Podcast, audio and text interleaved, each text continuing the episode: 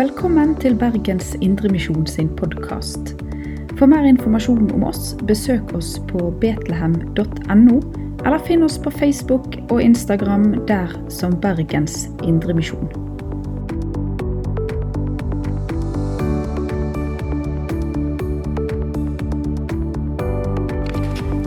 Jeg vet ikke om du har begynt å tenke på nyttårsaften.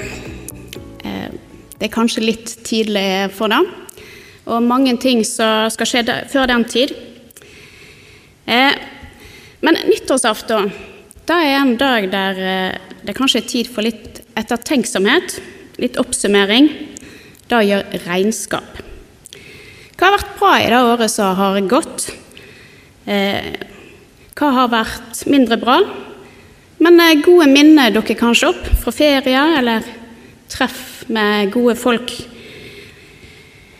Eller kanskje tenker en på sykdom, eller at en har mista jobb.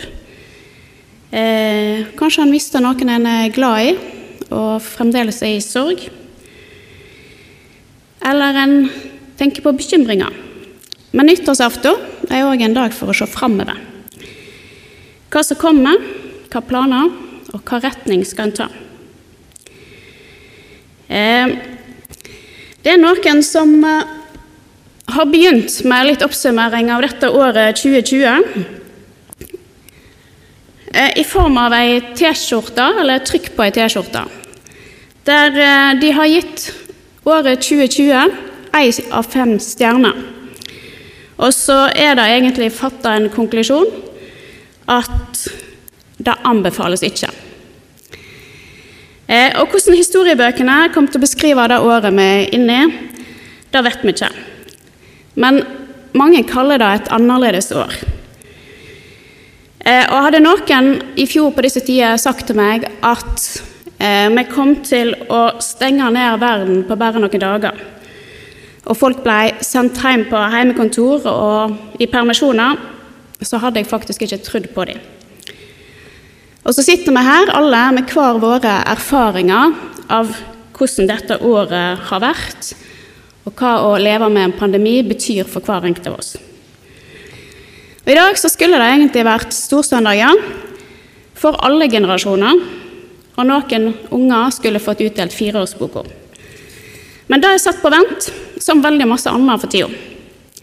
Og restriksjoner gjør at vi prøver å kjøre ei vanlig gudstjeneste. Eh, og det er veldig kjekt å se noen i salen her, men de fleste av dere sitter hjemme foran en skjerm. Og I dag så er det siste søndag i kirkeåret. Eh, og Det er derfor jeg snakker om oppsummering og nyttårsaften. For dette er òg en dag for ettertenksomhet, eh, men òg en dag for alvor.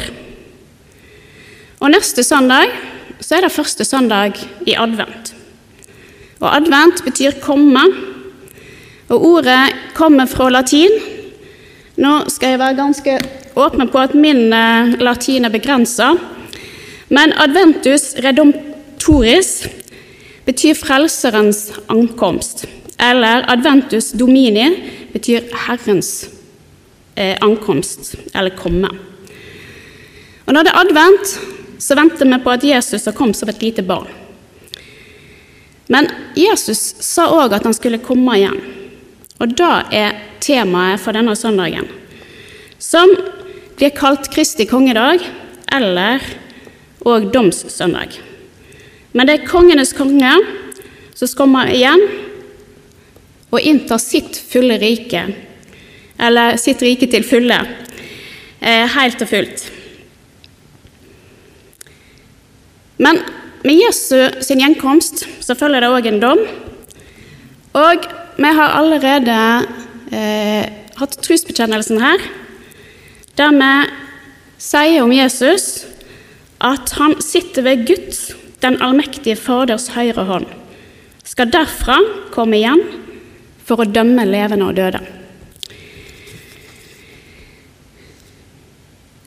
Vi går til dagens tekst, som er henta fra Matteus 25, og fra vers 31 og utover.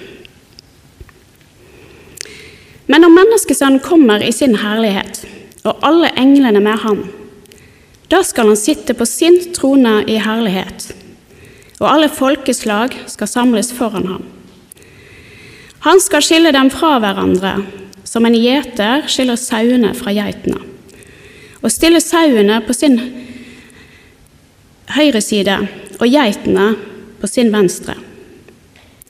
Så skal kongen si til dem på sin høyre side.: Kom hit, dere som er velsignet av min far, og ta i arv det riket som er gjort i stand for dere fra verdens grunnvoll ble lagt. For jeg var sulten, og dere ga meg mat. Jeg var tørst, og dere ga meg å drikke. Jeg var fremmed, og dere tok imot meg. Jeg var naken, og dere kledde meg. Jeg var syk, og dere så til meg. Jeg var i fengsel, og dere besøkte meg. Da skal de rettferdige svare. Herre, når så vi de sulten og ga deg mat, eller tørst og ga deg å drikke? Når så vi deg fremmed og tok imot deg, eller naken og kledde deg? Når så vi deg syk eller i fengsel og kom til deg? Og kongen skal svare dem. Sannelig, jeg sier dere, det dere gjorde mot en av disse mine minste søsken, har dere gjort mot meg. Så skal han si til dem på venstre side.: Gå bort fra meg, dere som er forbannet, til den evige ild som er gjort i stand for djevelen og englene hans. For jeg var sulten, og dere ga meg ikke mat. Jeg var tørst, og dere ga meg ikke drikke. Jeg var fremmed, og dere tok ikke imot meg. Jeg var naken, og dere kledde meg ikke. Jeg var syk og i fengsel, og dere så ikke til meg.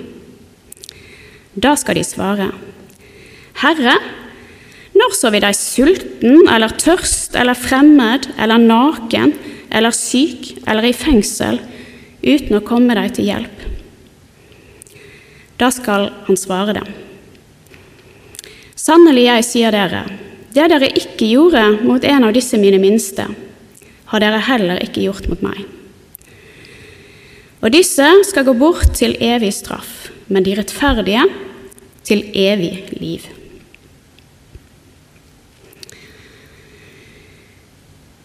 Jeg tenker at denne teksten handler om fire ting.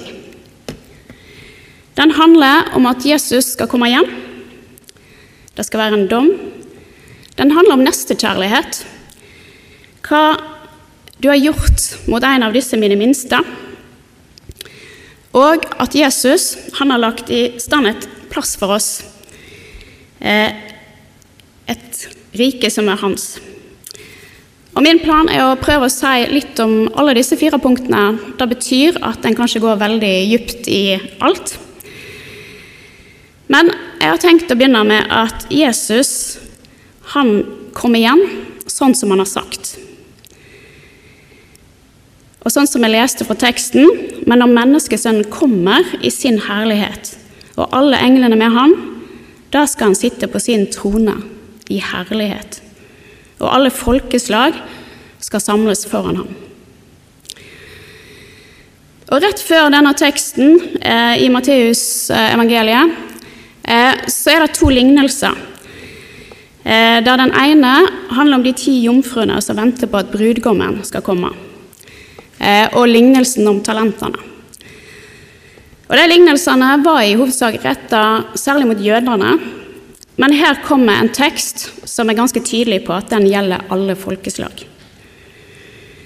Og På samme måte så Jesus forberedte disiplene sine på at han skulle dø og stå opp igjen, så forberedte han de òg på at han skulle komme tilbake, og hvordan det skulle være i tida før det.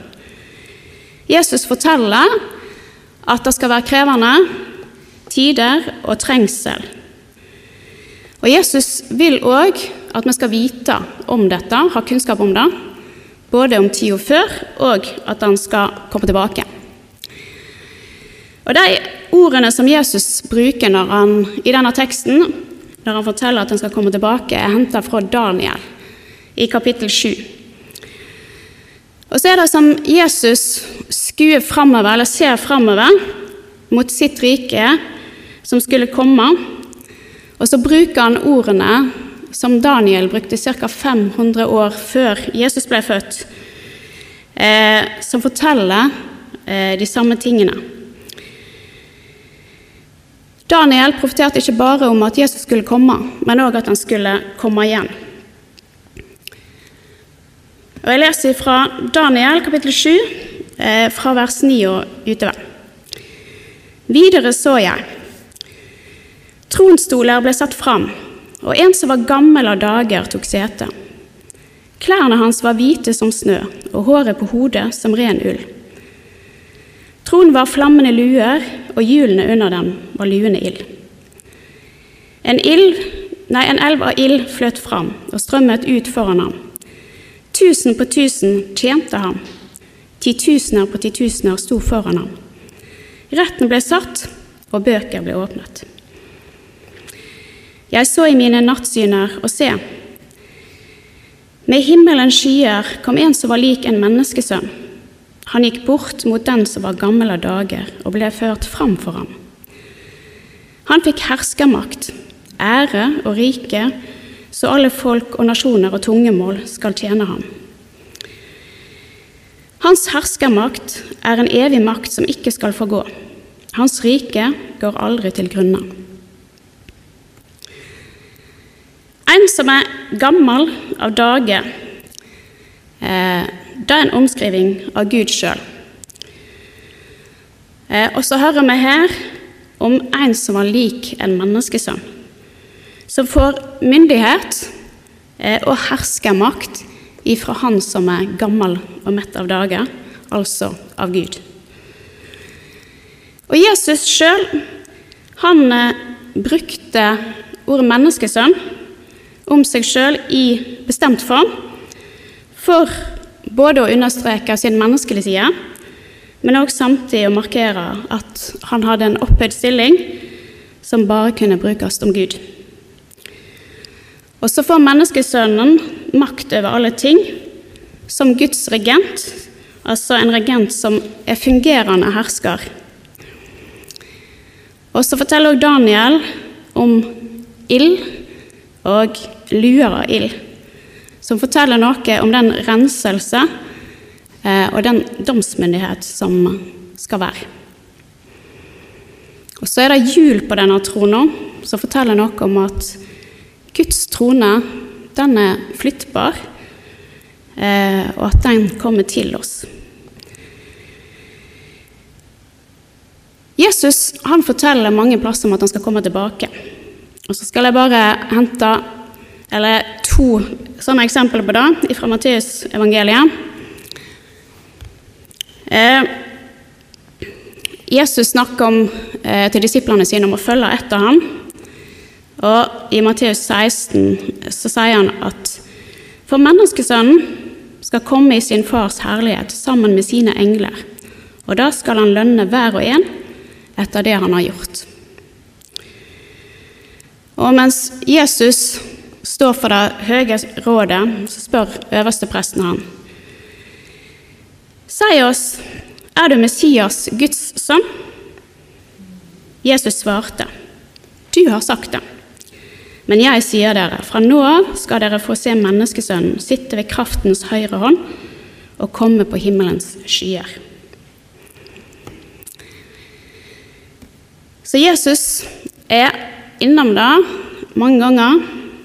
Så skal jeg ta med òg hva Paulus sier i Filipperne eh, om at Jesus skal komme igjen. Jeg leser fra Filipperne 2, vers 9. Derfor har også Gud opphøyd ham til det høyeste og gitt ham navnet over alle navn. I Jesus, eller i Jesu navn, skal derfor hvert kne bøye seg, i himmelen, på jorden og under jorden. Og hver tunge skal bekjenne at Jesus Kristus er Herre, til Guds Faders ære. Paulus viser framover til at Jesus skal komme igjen. Og på den dagen så vil alle mennesker forstå at dette møtet med kongenes konge og herrenes herre så vil han forstå hvem Jesus virkelig er. Og denne dagen, når Jesus kommer igjen, så er det òg en dom.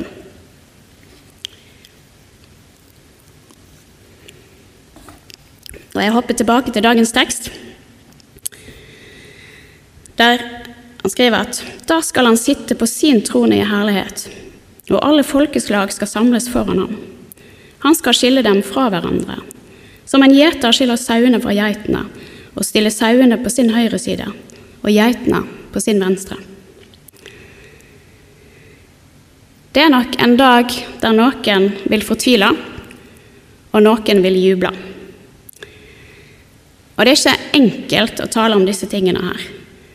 Men Bibelen er tydelig, og Jesus taler ofte i bilder når han vil ha fram poengene sine. Det finnes bare to muligheter, og det er ingen eh, middelvei. Men det er kongenes konge som skal skille. Ikke du og jeg, ikke noen andre, ikke naboen eller en humørsyk diktator. Eh, men det er kongen, frelseren, han som elsker rettferdighet og hater urettferd. Den hellige, allmektige og allvitende kongen. Og I teksten vår så ser det ut som på en måte dette handler om gjerninger.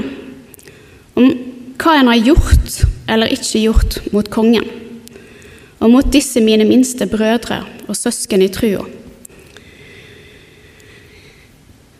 Han snakker om 'Jeg var sulten, og dere ga meg mat'. 'Jeg var tørst, og dere ga meg å drikke'. Det er superkonkret.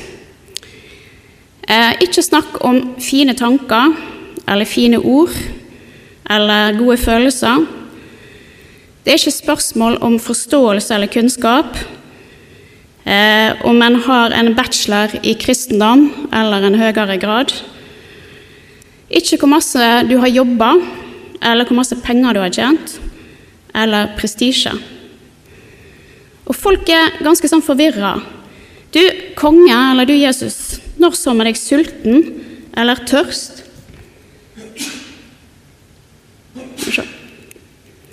Eh, og når så meg at du var fremmed? Og Jesus han er tydelig på å si at alt dere gjorde mot en av disse mine minste brødre, det gjorde dere mot meg. Altså, hvis jeg vil tjene Jesus og følge Jesus, så skal jeg òg tjene min neste. Og Jesus han ble eh, utfordra fariserene på hva som var det største budet. Og En lovlærd spurte Jesus i Matteus 22 du mester, hva bud er det største i loven? Og han svarte, du skal elske Herren i Gud av hele ditt hjerte, og av hele din sjel og av hele din forstand. Dette er det største og første bud, men det andre er like stort. Du skal elske din neste som deg selv. Og på disse to budene hviler hele loven og profetene. Og Det kan virke som jeg møter igjen dette i dagens tekst, eh, og der kongen skiller etter det. For du skal elske kongen, menneskesønnen, Jesus, og du kan, skal elske han ved å elske din neste. Vi er midt inne i krevende tider. Eh, vi kjenner kanskje på at vi har nok med oss sjøl og vår egen boble eller vår egen kohort. Men hvem kan vi gjøre noe for? Hvem kan vi ringe eller skype eller facetime med? Hvem kan vi besøke? Jeg tror det er bra å løfte blikket litt. Eh, og be Jesus om å åpne øynene våre og se behovene og nøden rundt oss. Og Forrige søndag så var det fokus på de forfulgte kristne. Eh, hva kan vi gjøre for våre kristne brødre og søstre som lever midt i forfølgelse og vansker? Og det at vi som mennesker må stå til ansvar for hva vi gjør eller ikke gjør, det kan kanskje være noe bra. Jeg tror det skjerper oss og gjør oss til en bedre utgave av oss sjøl. Vi har en Gud som har skapt oss på skremmende, underfullt vis med mange gode anlegg og egenskaper. Og han vil at vi skal forvalte våre talenter, ikke grave dem ned. Han forventer òg at vi gjør noe med vår evne til empati og medmenneskelighet. Og det å dele. Eh, har du tenkt gjennom hvordan det hadde vært hvis Gud ikke var en hellig Gud, og at synd ikke var et problem? Et problem for Gud. Eh, og tenkt gjennom hvordan det var hvis det ikke var noe som var rett og galt, og det ikke var noe som fikk konsekvenser. For mange år siden skrev jeg en eh, mastergrad der jeg analyserte andagsbøker for tenåringer eh, ut ifra trosbekjennelsen eh, og trusinnholdet.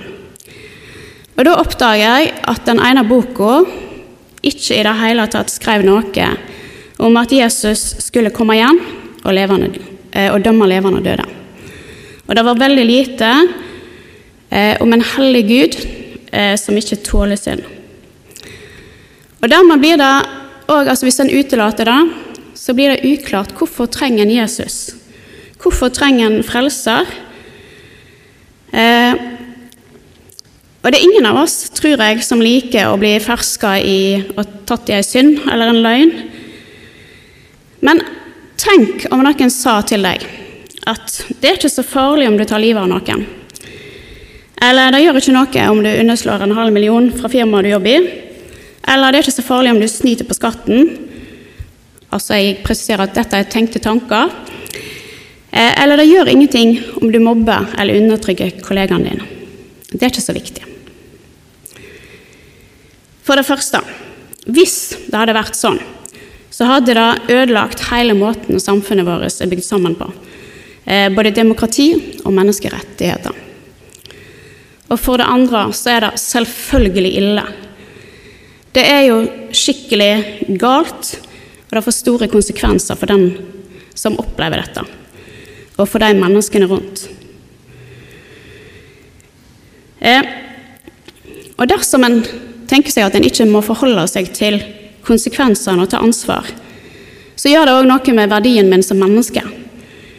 Eh, da blir jeg på en måte umyndiggjort, og i verste fall strafferettslig utilregnelig. Eh, så Poenget mitt er at dette her handler om vår identitet og hvem vi er som mennesker. Og Disse tingene som jeg nevnte, er store og grove ting. Men dessverre så virker det som for oss mennesker at linjene blir litt mer uklare dersom det handler om mindre ting. F.eks. litt løgn eh, eller litt usannhet, små pengebeløp eller litt utroskap.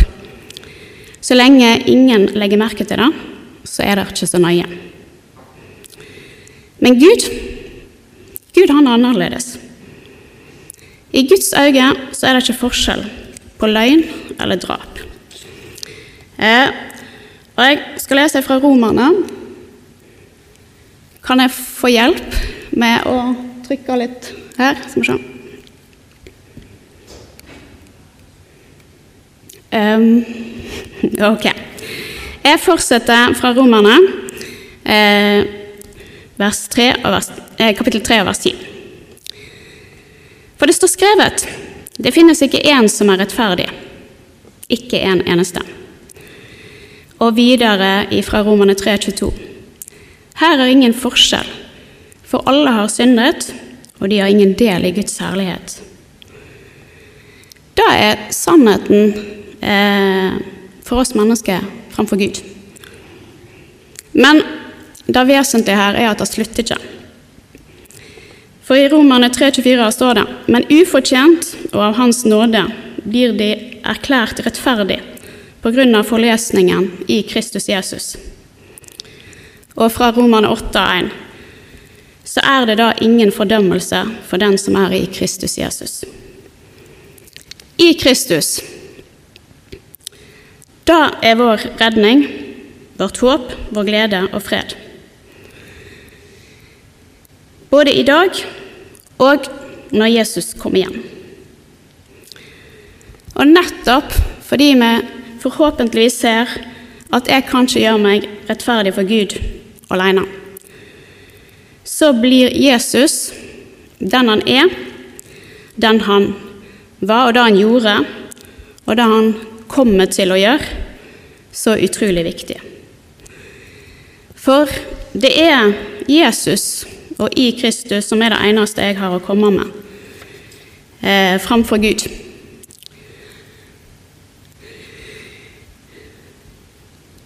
Det er en del mennesker som er redde for å dø, og redd for at Jesus skal komme igjen. Jeg tenker at det skal vi ta på alvor, ikke med å la være å snakke om det, og heller ikke med å male ut dommen i for tjukke streker. Men da å være veldig tydelig på å formidle Guds store nåde og Guds store kjærlighet inn i dette. Og hvis du tenker at jeg har gjort noe så alvorlig gale at Gud ikke kan tilgi det, så er ikke det sant. Jesus døde for alle synder. Og dersom du ikke klarer å slippe den tanken om at du har gjort noe så ille at Gud ikke kan tilgi, så oppfordrer jeg sterkt om å snakke med noen, sånn at du kan bli fri fra det. Fordi det Jesus gjorde, det var nok. Gud hadde løsningen. Han sendte det aller mest dyrebare han hadde, sin sønn, som levde det livet jeg skulle levd, og som tok den dommen jeg skulle hatt. Og jeg siterer bare òg Efesane 2,8. For av nåde er dere frelst ved tro. Det er ikke deres eget verk, men Guds gave. Nåde, gratis, det er en gave jeg kan ikke gjøre noe. Jesus gjorde alt. Og så er jeg kommet til siste punktet mitt, om at kongenes konge, han har lagd et sted for oss etter vi har levd her på jord. Og så hopper jeg tilbake til dagens tekst. Så skal kongen si til dem på sin høyre side.: Kom hit, dere som er velsignet av min far og ta i arv det riket som er gjort i stand for dere fra verdens grunnvoll ble lagt. Fra verdens grunnvoll ble lagt. Gud han har tenkt på dette fra han skapte oss mennesker, og han skapte jorda. Og dette riket ser ut til å være Guds mål for mennesket, at det alltid har vært hans mål. Og Jesus forteller sjøl om dette i Johannes 14. I min fars hus er det mange rom. Var det ikke slik, hadde jeg da sagt dere at jeg eh, Var det ikke slik, hadde jeg da sagt dere at jeg går og vil gjøre i stand et sted for dere.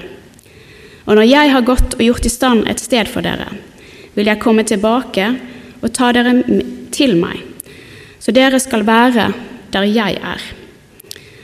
Og dit jeg går, vet dere veien.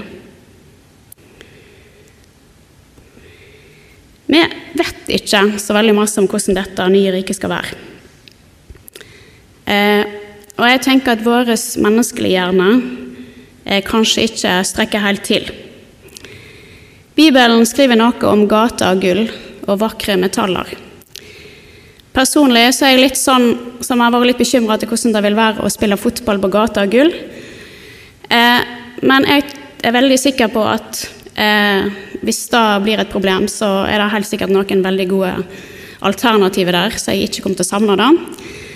Eh, og når jeg snakket litt med noen venninner om dette her, så, og jeg var bekymra for fotballen på Gullgate, så var hun rimelig kjapp med å si at hun håpet virkelig ikke det blir fotball i himmelen. Eh, det forteller veldig masse om oss mennesker og hva vi tenker om eh, skal være bra. Eh, men det vi kan være helt sikre på, det er at det skal være et godt sted å være, og der vi skal få lov til å være sammen med Gud sjøl. Og jeg har lyst til å avslutte med Johannes' åpenbaring, eh, der han får et syn om himmelen eh, i kapittel 21. Og jeg så en ny himmel og en ny jord. For den første himmel og den første jord var borte, og havet fantes ikke mer. Og jeg så den hellige byen, det nye Jerusalem, stige ned fra himmelen, fra Gud, gjort i stand og pyntet som en brud for sin brudgom. Og jeg hørte fra tronen en høy røst som sa, Se, Guds bolig er hos menneskene. Han skal bo hos dem, og de skal være hans folk. Og Gud selv skal være hos dem. Han skal være deres Gud. Han skal tørke bort hver tåre fra deres øyne, og døden skal ikke være mer. Heller ikke sorg eller skrik eller smerte. For det som en gang var, er borte. Han som sitter på tronen, sa, Se, jeg gjør alle ting nye.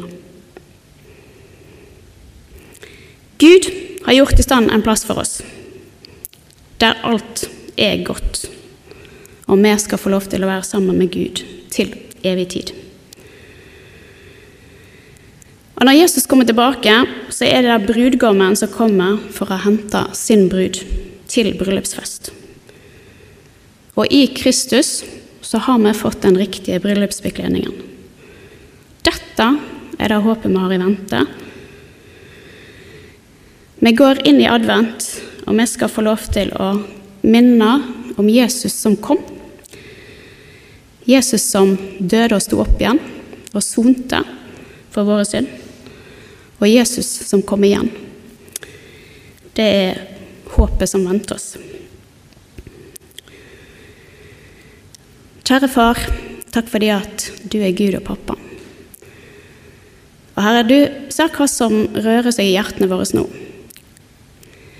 Hva du, Hellige Ånd, taler inn i livene våre. Jeg ber Herre om at du må hjelpe oss til å se med dine øyne. La ditt lys få lov til å skinne inn i livene våre. Til å ta et oppgjør med det som trengs å ta et oppgjør med. Og til å ta imot den utrolige nåde du har gitt oss, Herre. Hjelp oss til å åpne øynene eh, og se våre neste. Vis oss, Herre, hvem du legger på oss at vi skal hjelpe, bry oss om, ringe til. Og Far, takk fordi at du har lagt til en himmel der vi skal få lov til å være sammen med deg til evig tid. Amen. Du har lytta til Bergens Indremisjon sin podkast. For mer informasjon om oss, besøk oss på betlehem.no, eller finn oss på Facebook og Instagram der som Bergens Indremisjon.